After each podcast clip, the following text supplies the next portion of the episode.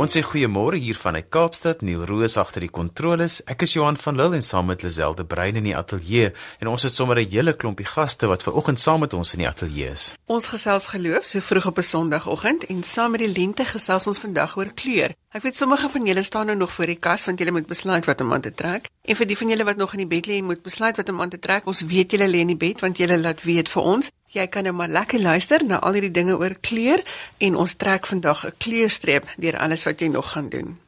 Cornel Hou gesels oor die sielkunde agter kleur en Dr. Duif Viljoen kom vertel hoe lyk die gebruik van kleur in die Bybel. Dominee Janie Pelser kom gee sosiale oorsig nader aan die einde van vanoggend se program. Ons gesels ook vinnig met Dominee Hansie Wolmerans van die Universiteit van Johannesburg en Dominee Skalk Strauss vertel van die Afrikaanse Protestantse Kerk se 30ste verjaardagvieringe. Sonderjoernaal is ook een van die programme wat as 'n potgooi beskikbaar is op RSG se webwerf by rsg.co.za en jy kan ook al die programinligting daar kry, sowel as ook op ons eie sosiale media bladsy. Jy kan vir ons SMS by 45770 as jy wil saamgesels.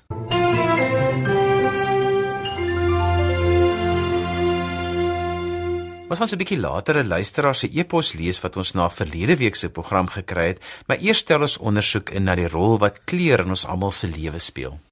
Cornel Houg van Robertson is 'n man met goue hande wat weet hoe 'n vrou mooi te maak en hy het 'n meesters in kosmetologie met sy spesialiteit van sielkundige uitwerking van kleure op mense. Hy gesels dan ook vanoggend met ons oor kleur want die winter is besig om sy grys jas af te skud en die lente lê voor. Goeiemôre Cornel. Goeiemôre Lisel, dankie. Cornel, jy maak 'n studie van kleure en hoe mense daarmee te werk gaan. Vertel ons daarvan.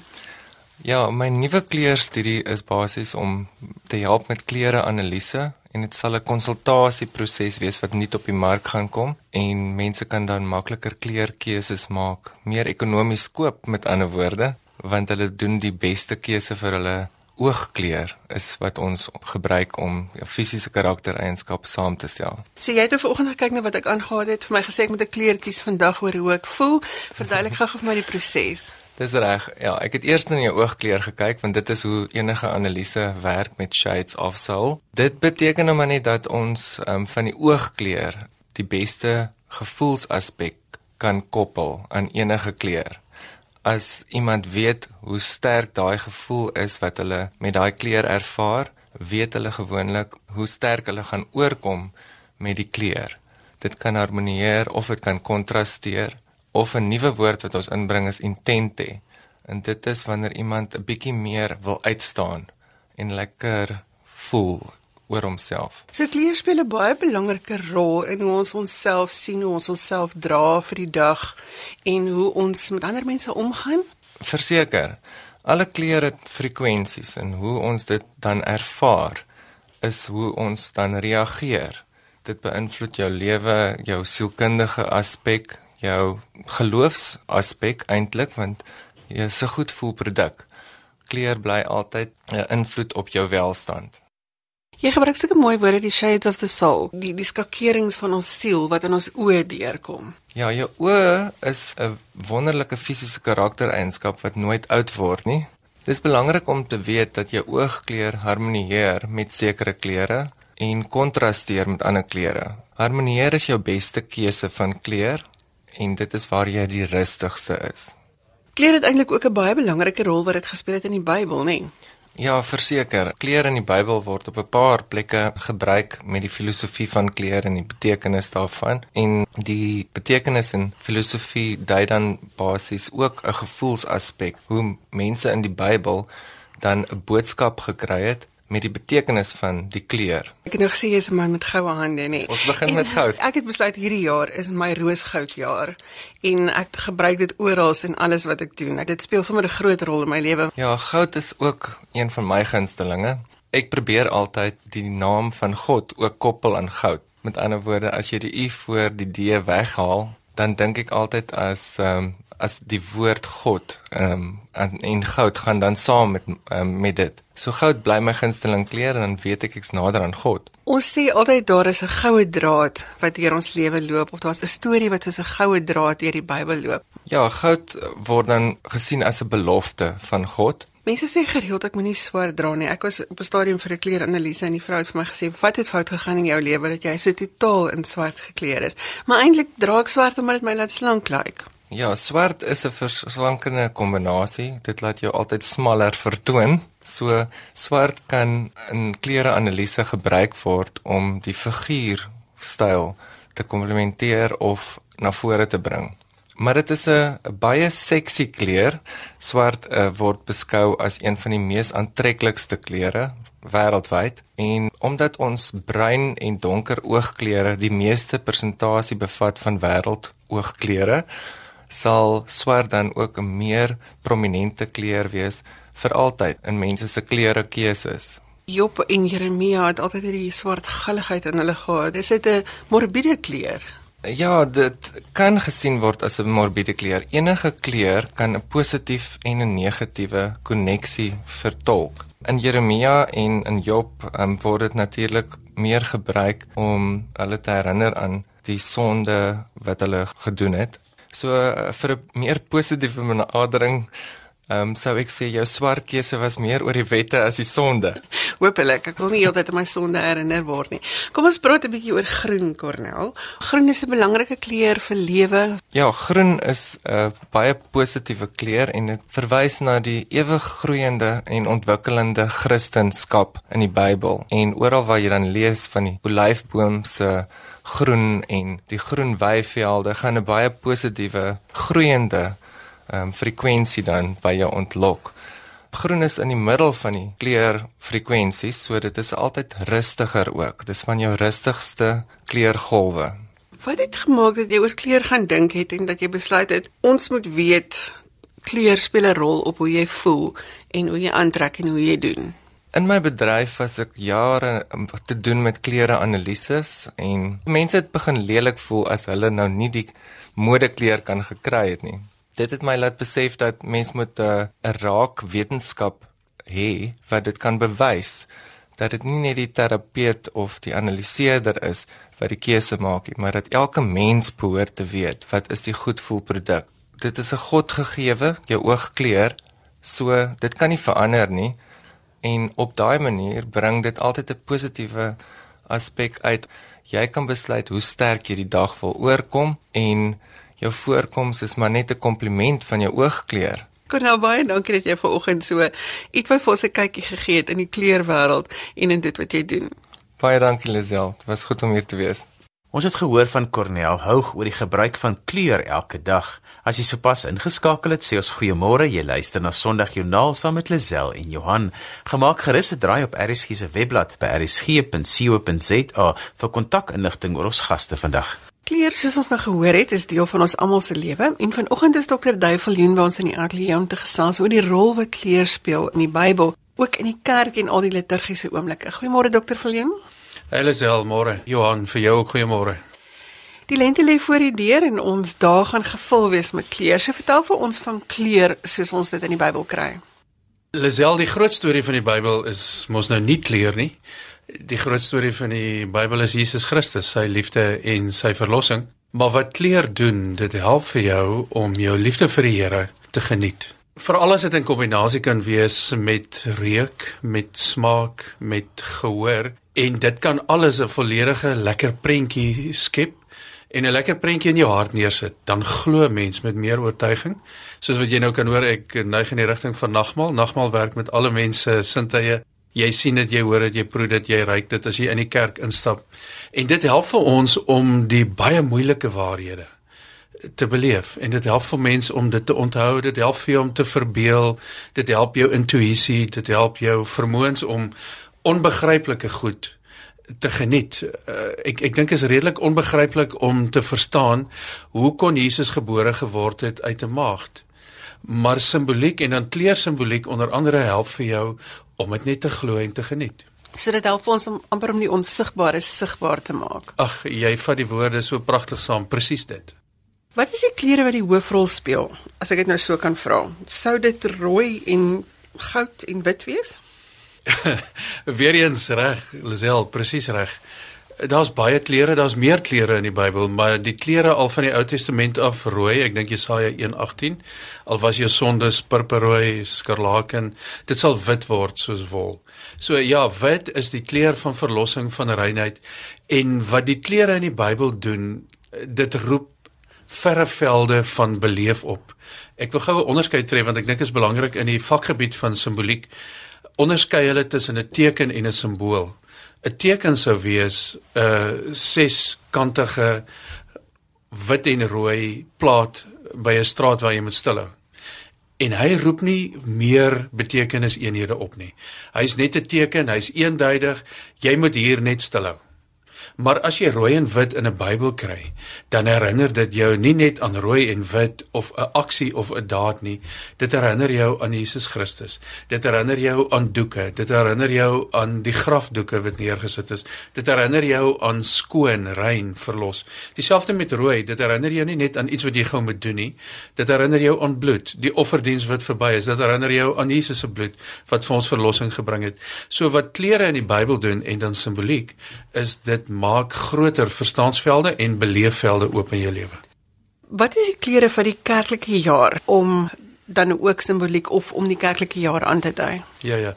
Lisel, kom ons hardloop maar vinnig oor. Kom ons begin by Adventtyd.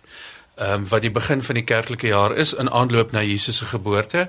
In Adventtyd is die klere hoofsaaklik in die 4 weke vooraf koningsblou of dan purper of pers, die onderskeid is half moeilik met die vertalings uit die Bybel uit, maar dit gaan oor die koning Jesus wat gebore sal word en dan ook uh, pink, pink op Gaudete Sondag vir vreugde. En dan op Kersdag, die Christuskers altyd wit, selfs in Paastyd die Christuskers bly altyd wit in eredienste. Dan word dit verskyning uh, van Jesus uh, van God in die wêreld deur Jesus Christus. En waarmee ons dan aangaan soos wat Jesus gebore is, is ons dan op pad na lydenstyd. En in lydenstyd is die klere veral op Aswoensdag grys en dan word dit in Goeie Vrydag word dit swart, die kleur van dood en uh, natuurlik ook rooi Jesus se bloed en dan op Paasondag oorwinning wat op meer kere gaan wees wit en goud. Goud is die kleur van oorwinning. Dit is mos vandag nog so as jy 'n medalje kry dan gaan my vraag wees is dit brons, is dit silwer, is dit goud en as dit goud is, dan weet ons soos wat Caster Semenya vir ons inbring, dit is die oorwinnaar. So op Paasondag die oorwinning dan weer met hemelvaart is dit goud en wit En met die uitstorting van die Heilige Gees Pinkster Sondag beweeg ons na Oranje vuur rooi, die vlamme op die koppe en dan drie eenheid Sondag. En dan is ons by Koninkrykstyd kom die lang tyd wat aanloop na volëinding aan die einde van Koninkrykstyd weer voor die vir die volgende adventstyd is groen groen die kleur van groei koninkrykstyd die groen weivelde die sagte rus wat 'n mens net by die Here kry en waar binne ek dink ons te min ingaan. Um, die roeping is om meer groen te beleef ook in ons as gelowiges se lewens. Het Kersfees 'n spesiale kleur? Kersdag is weer wit en goud die koning se klere. Die oorwinning Sondag soos volëinding ook hardloop altyd na wit en goud en dis die klere Wat 'n rol het pers in die Bybel gespeel? Het dit 'n plek gehad? Ek hoor nie dat ons praat oor pers nie. Ja, pers is een van my wonderlike klere ook. As ek nou reg onthou en ek hoop regtig ek is reg, was ons trouklere lank terug in 1989 pers en geel. Dis al ja, daar's baie pers in die Bybel. Ongelukkig is dit ook een van die moeiliker klere. Ons stel pers op by die tabernakel in die Ou Testament, by die hoëpriester se kleed, later by die tempel, by die voorhangsel. Ehm um, Jesus se kleed wat hulle vir hom omgesit het uh, om hom te spot as koning omdat hulle sou gesê het hy het gesê hy is koning van die Jode. Ehm um, maar die moeilikheid daarmee kom dat dit waarskynlik eerder purper moet wees. En purper is nie heeltemal pers nie. Eh, purper is waarskynlik meer 'n maroon wynrooi, baie gesagvolle koningskleur. En die vertalings maak dit moeilik want dit is baie moeilik om in die oorspronklike Hebreëus te gaan lees en dan wonder jy, maar is die Engels purple purper of is dit pers en is scarlet skarlaken is dit rooieriger of is dit perseriger? So pers is 'n pragtige kleur en ek self uh, wens ek kan vir 'n ander span skryf wat nie blou is nie maar wat pers is of so. Maar in die Bybel uh, word dit deurgetrek na aanbiddingsplek na gesag en dan na Jesus Christus toe Ons klim vandag op kleer om ons bewus te maak van jou sintuie wat alles ook 'n rol speel in jou belewing van geloof en dit is belangrik dat mense hiervan bewus sal wees en dat ons daarna sal oplet. 100% in die kom ek nou met die meer liturgiese kerke soos die ortodokse kerk, die katolieke kerk, die anglikaanse kerk, beeld hulle die liturgiese seisoene ook uit met hulle klede. In, in die lydenstyd sal dit 'n rooi kleed wees in die heilige week, die laaste week na Paasondag wit sal wees en hulle beeld dit uit met die stolas en met die togas en dit is vir my pragtig.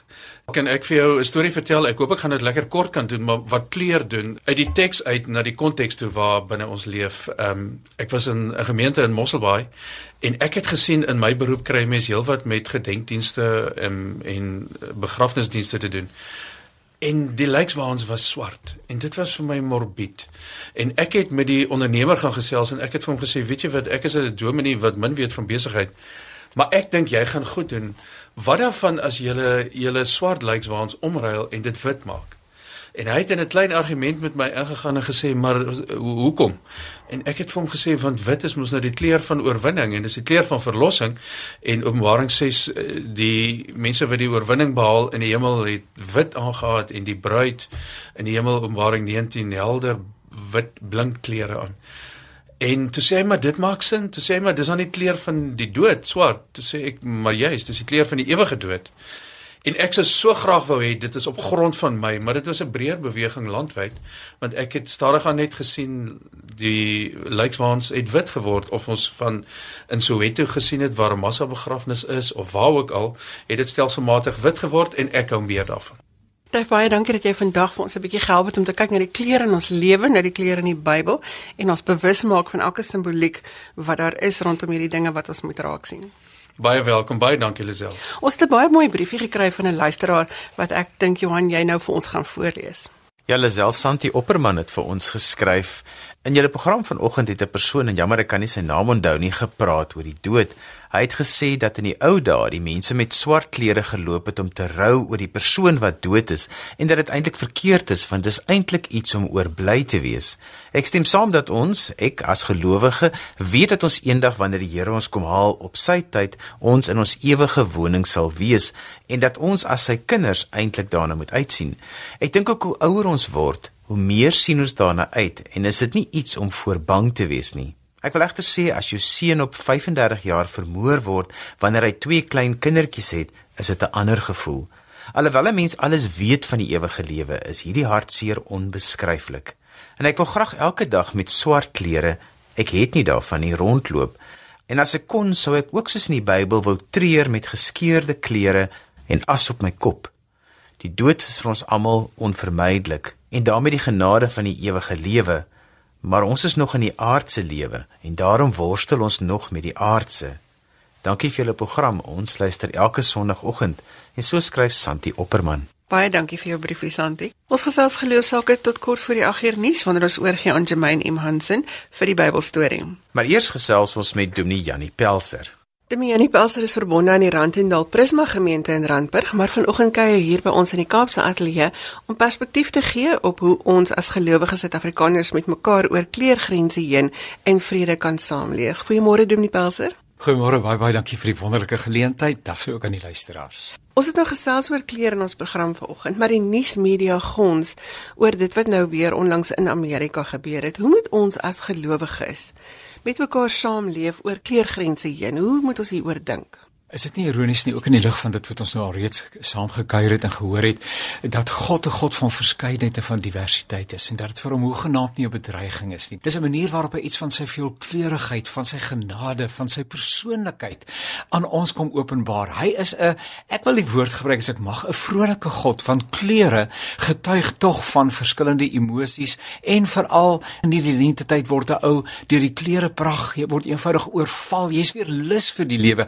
Divers diversiteit is 'n gegewe en dit is 'n heerlike en 'n wonderlike gawe uit die hand van God. Totdat ons met mekaar te doen het. En dan skielik wil ons alles grys hê. Of wit of swart of grys of bruin, maar dit moet een kleur wees want die oomblik wanneer iemand anders van my verskil, dan pak vrees my beet. Uh omdat die persoon uh, onbekend maak onbemind. En as gevolg van die feit dat ek ander mense nie ken nie, kom daar 'n hele klomp goggas wat in my hart kom tuis maak, 'n uh, vooroordeel, agterdog, ehm um, vooropgesette idees oor mekaar, stereotipering en dit is so hartseer dat ons wêreldwyd, soos jy nou reg gesê het in die FSA sien ons maar weer 'n keer, dis die ou ding dat onder die oppervlak van ons menswees lê daar en eintlik het dit alles te doen met selfsug, eie sinnigheid, hoogmoed, geestelike hoogmoed, beterwetigheid en 'n ontsettende gebrek aan medemenslikheid. Die Bybel sê die liefde doen die naaste geen kwaad aan nie. En as ons met daardie stelreël werk, sou dit met ons baie baie makliker gaan in hierdie pragtige land vir ons. Ons sê oor en oor die evangelie gaan mos nou eintlik basies net oor die liefde. Maar as ons nou kultuur en kleur wegvat, dan is ons tog inherënt almal dieselfde. Ons het dieselfde persoonlikhede, dieselfde persoonlikheidstrekke, ons het dieselfde behoeftes aan kos en klere en die tipe van dinge. Waar dink jy kom hierdie ding vandaan dat ons so onverdraagsaam teenoor mekaar is? Ons trane lyk dieselfde, die bloed in ons are lyk dieselfde, ons het dieselfde emosies, dieselfde verlange vir ons kinders dat hulle sal uitstyg in die samelewing, dat hulle hulle plek sal volstaan, dat hulle ewe kansige geleenthede sal hê om hulle volle goddelike potensiaal te bereik. En dis eintlik niks anders as sondigheid nie. Dit is sondigheid wat maak dat ons teenoor mekaar stelling inneem. Dis waar rasisme vandaan kom en al die ander forme van ismes waarmee ons gekonfronteer word wat ander mense as mindervaardig beskou. Jy het inderdaad gesê wanneer ons hierdie goed wegneem, is ons dieselfde, maar ek dink dis deel van die krisis en die misverstaan. Ons hoef niks weg te gee nie. Ons hoef nie ontslae te raak van dit wat ons ons maak nie. God hou van verskeidenheid en daarom hou hy van Afrikaans en hou van Engels en Zulu en elke ander taal in dies meer, maar ons kan naas mekaar kan ons 'n heerlike toekoms tegemoet gaan en eh, sonder dat ek nodig het om enigiets van myself in die proses op te offer of op prys te gee. Maar as ek waarde heg aan my kulturele belewenis en kulturele besit, dan moet ek ewenigs dit vir ander mense ook gun. En wanneer ek die moeite doen om ander mense te gaan ontmoet binne hulle eie kulturele belewenis, dan lê daar vir my en my menswees 'n enorme stuk rykdom opgesluit. Ek het altyd daardie argument dat wanneer ons met ander gelowe om die tafel sit, dan leer ek soveel meer van my geloof en van my verbetraagsaamheid en van dit wat ek glo, want dit lê nie weer vir my die grondslag dat dit waarin ek glo is iets waarin ek kan vashou. Hoekom dink jy is ons so bang daarvoor om met ander mense van kom ons sê ander gelowe, ander rasse, ander kulture bymekaar te kom? Ek dink dit is vooroordeel en agterdog en vooropgesette idees en stereotipering. Dis die manier waarop ons grootgemaak is, georiënteer is, nê. Nee. Uh rasisme is in die DNA van die gefalle mens. Dis nie deel van God se nuwe natuur nie. Uh God het sy liefde in ons harte uitgestort deur die Heilige Gees en daarom behoort dit nie vir ons so moeilik te wees om mekaar lief te hê nie.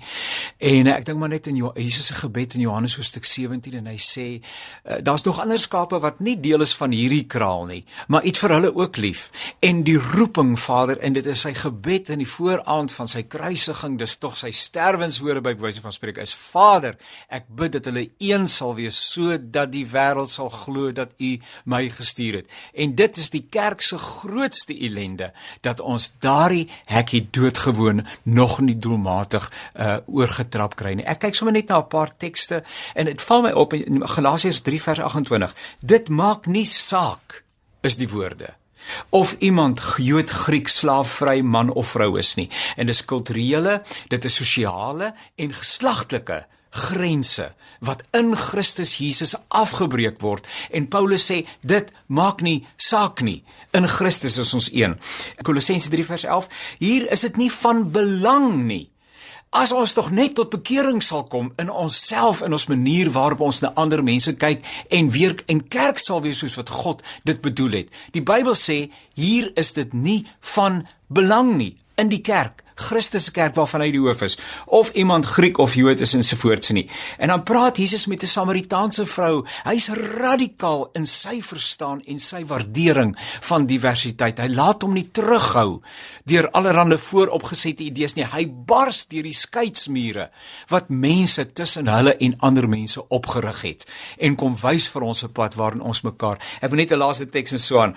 Romeine 10 vers 12. Dit maak dus geen verskil of 'n mens 'n Jood, Griek is nie, want dieselfde Here is Here van almal en hy seën almal wat hom aanroep ryklik. Nou as die Bybel dan vir ons sê, dit moenie vir ons, mag nie vir ons, hoef nie vir ons so onoorkomlik te wees nie. Hoekom sukkel ons so om eh, toe te laat dat die Gees van God ons in hierdie waarheid lei? So ons kan sê dat ons in ons eie huis moet begin, let op ons taal, hoe ons oor mense praat, hoe ons met mense praat, sodat dit van daar af kan uitkring. Ek dink ons het so nodig om vir ons kinders respek te leer baie baie jare gelede, ek het net in die bediening gekom, maar ek was altyd maar iemand wat anders gedink het oor hierdie dinge. En eh, maar ek was by die kinderkrans betrokke en ek het vir die kinders geleer mense wat ouer as jy is ongeag van wie hulle is is oom en tannie. En toe het iemand na my toe gekom en gesê ek moet asseblief opvoeding aan hom oorlaat. Hy sal self sy kinders opvoed. Nou Ons het respek vir ander mense, selfs al het hulle nie die oortuig selfde oortuigings as wat ons het nie. Ons praat nou nie van mense wat uh beduidend en berekend ander mense ondergrawe nie, maar daar's 'n verskeidenheid van mense en deel van menswees uh, is die die reg wat ons het en die voorreg om vir myself te kan dink en te kan formuleer. En as ek net so 'n bietjie by jou kom sit Lisel en sê Lisel, hoe dink jy hieroor? Dan stap ek weg aan mensdom. My perspektief is enorm verryk want ek het nog 'n perspektief gehoor. Ek het nie die alleen eienaarskap op die waarheid nie. Ons het mekaar nodig om God se waarheid te kan onderskei en die pad ook in Suid-Afrika uh, te kan plot. Demi Passer baie dankie dat jy vanoggend jou insig met ons gedeel het. Dis 'n wonderlike voorreg baie baie dankie. Ons het gesels met Dominee Janie Pelser en volgende aan die beurt is professor Hansie Wilmerans van die Universiteit van Johannesburg. Ons het nou al vanoggend verwys na die inkleding van die liturgie met kleur en vanoggend sluit professor Hansie Wolmerans by ons aan. Hy is by die Universiteit van Johannesburg se departement Grieks en Latynse studies. Goeiemôre professor. Goeiemôre, Lisel. Dit is so lekker om met jou te gesels. Professor, hoe belangrik is dit dat ons voortdurend moet praat oor en ondersoek moet instel op die manier waarin ons kleur en geur in die kerk en in die liturgie gebruik? Wel, weet jy, ek dink partykeer is die liturgie so voorspelbaar dat mense kom in en hulle raak outomaties vasgevang in 'n patroon sonder dat dit reg meer sin maak.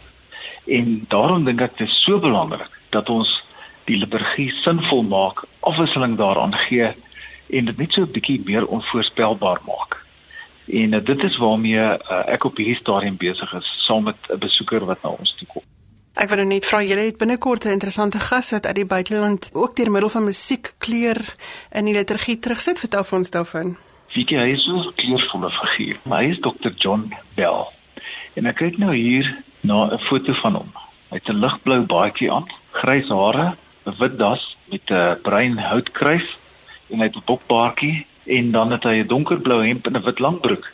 So hy is so 'n kleurvolle figuur en wat sy karakter betref, is hy net so interessant. Hy oorleef sonder 'n vrou, sonder 'n selfoon, sonder 'n motorkar en sonder 'n kamera en hy is geïnteresseerd in kerklike musiek en hy skryf ook musiek en sy musiek is al vertaal in tale soos Hollands, Duits, Deens, Japanees en nog baie ander tale. Hoe oorleef jy sonder 'n selfoon en 'n kamera? My kop gaan nie daai som maak nie. Ja, dit is my baie moeilik. Ek moet jou sê nommer 1 op my lys is sonder 'n vrou ook, jy weet.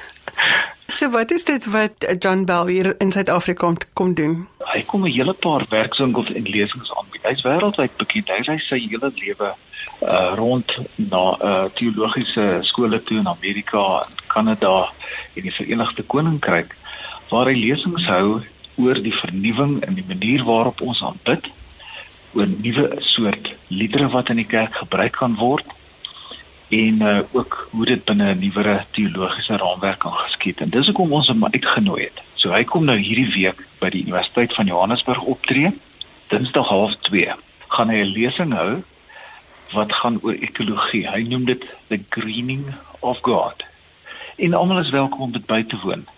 En dan donderdag aand tussen 6uur en 9uur gaan hy nou 'n werkswinkel aanbied.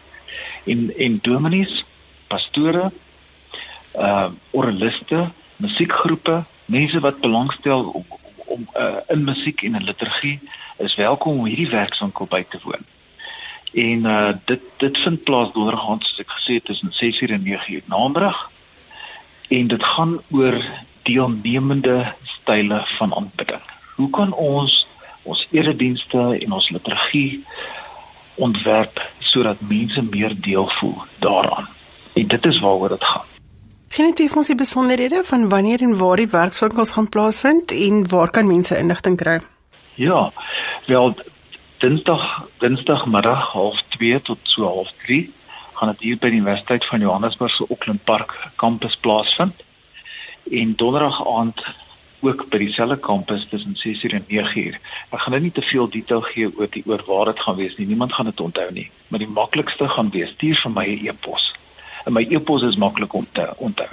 Dit is so 'n samestelling van my naam en my van. Dis Hansie V. by ij .ac.za. Die AC staan vir academic. So dis Hansie V by ij.ac ac.za en ek sal 'n volledige program vir jou stuur met die uh, lokale waar dit gaan plaasvind en so aan. Professor baie dankie vir die inligting en baie dankie dat jy vanoggend ook saamgesels het. Baie dankie Lisel, dit was so lekker om hieraan te kom deelneem en dankie dat ons daaroor kon gesels.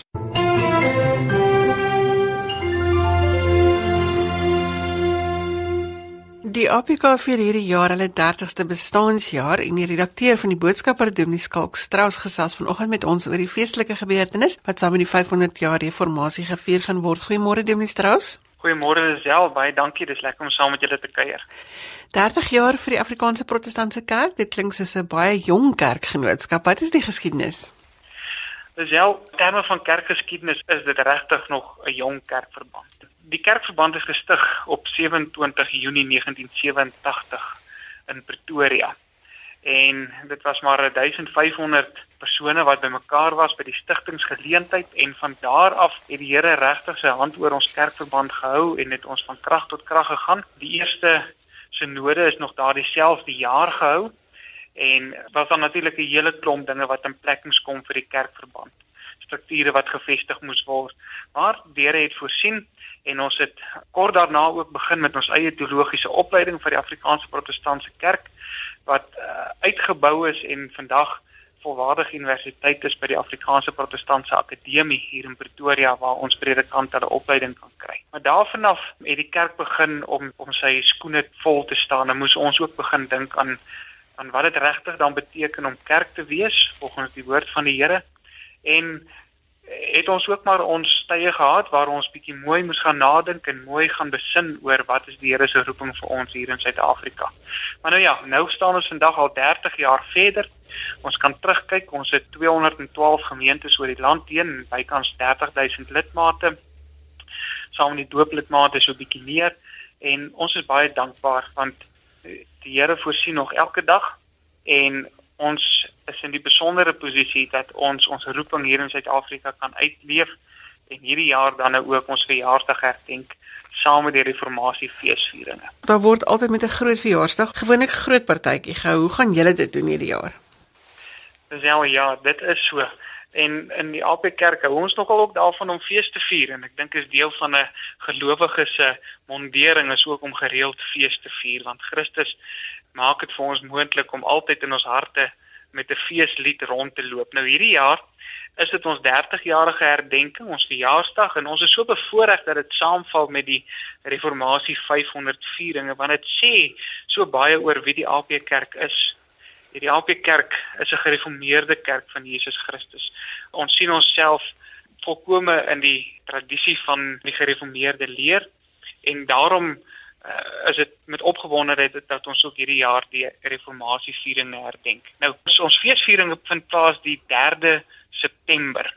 Dit is nou vanaand, die 3de September en dit gebeur in die ZK Matthew Saal hier in Unisa by Pretoria. En ons het 'n feestelike program aanvanklik hierso van uh half 6 vanaand se kant af gaan die finale ronde van ons vasvra kompetisie uit die besondere belydenisskrifte uh plaasvind van half 6 tot half 7 ook in die ZK Matthew Saal. Nou die luisteraars is seker nie heeltemal op hoogte nie, maar ons het nou vir die afgelope 2 maande het ons 'n kompetisie binne ons kerkverband geloods, 'n uh, vasvra kompetisie uit die besondere belydenisskrifte met die oog op die viering van Reformatie 500 en die en die finale groep deelnemers sal nou vir die finale ronde kom deelneem vanaand van 06:30 tot 07:30 met 'n interaktiewe vasvra kompetisie. En dan 7 uur skop ons hoofprogram af. En dit is 'n musiekfees waar ons in ons program deur die kerkgeskiedenis heen gaan loop. Ehm um, met die groot momente in die kerkgeskiedenis gaan stil staan en in besonder dan die reformatie, maar ook waar ons vandag is en met so 'n blik na die toekoms ook. Ons het ehm um, Ons is bevoorreg dat ons baie talentvolle musikante het wat gaan deelneem uh, vanaand. Onder andere is daar 'n massa koor wat gaan optree wat hoofsaaklik bestaan uit 'n uh, lidmate en koorlede uit verskillende AP Kerk gemeentes. Die massa koor staan onder leiding van meneer Bram van Tonner en dan het ons ook as uh, sangers wat gaan optree Roel Bekes en Koert Grobbelaar die tenor en die bas. So ons is baie dankbaar dat ons hierdie groot name kan kry en saam met hulle gaan sing Anemie Brouwer as sopran. Dis vir ons 'n groot geleentheid en ons sien regtig uit en ons wil graag elkeen wat by die Afrikaanse Protestantse Kerk kan assosieer en wat met ons ook deel in die feestelikheid van die reformatie en saam met ons bly is oor ons verjaarsdag, wil ons graag uitnooi om hierdie geleentheid uh, vanaand te kom bywoon. Dis gratis. Ons begin 7 uur, maar daar is reeds 'n voorprogram wat so hier van kwart voor 7 vanaand af gaan gebeur. So persone wat dit wil kom bywoon, is welkom om 'n bietjie vroeër te kom. Demonstrasie ek wou nog vra, jy is die redakteur van die boodskapper, is dit die amptelike blad van die APK? Dis reg, Lisel, dis die amptelike blad van die Afrikaanse Protestantse Kerk. Hy verskyn so 10 keer 'n jaar en uh interessant genoeg is hierdie blad ook vanjaar 30 jaar oud. Dan is ons baie dankie. Ons hoop op 60 jaar kan ons weer gesels met die Afrikaanse Protestantse Kerk om te hoor wat het in die volgende 30 jaar gebeur. Lisel, baie dankie. Dankie vir die voorreg om vanmôre saam met julle te kom kuier en seën ook op julle werk. En daarmee het ons aan die einde gekom van vanoggend se program. Daar is heelwat programme op RSG wat jou die res van die dag sal geselskap hou. Skakel in vanmiddag 05:30 wanneer ons bietjie gesels oor wiskunde en hoekom ons dan in Suid-Afrika so sukkel met wiskunde. Tot dan van my Johan van Lille. Totsiens. Johan het natuurlik verwys na ons in die onderwys vanmiddag half 5. Jy kan vir my e-pos met kommentaar of as jy 'n geloostorie met ons wil deel, die e-posadres is lazel@wwmedia.co.za of jy kan ook vir ons 'n boodskap deur die webwerf stuur by rsg.co.za. Tot volgende week groet ek namens produksieregisseur Neil Roo. Maak 'n punt daarvan om uit te reik en iemand se dag makliker te maak. Totsiens.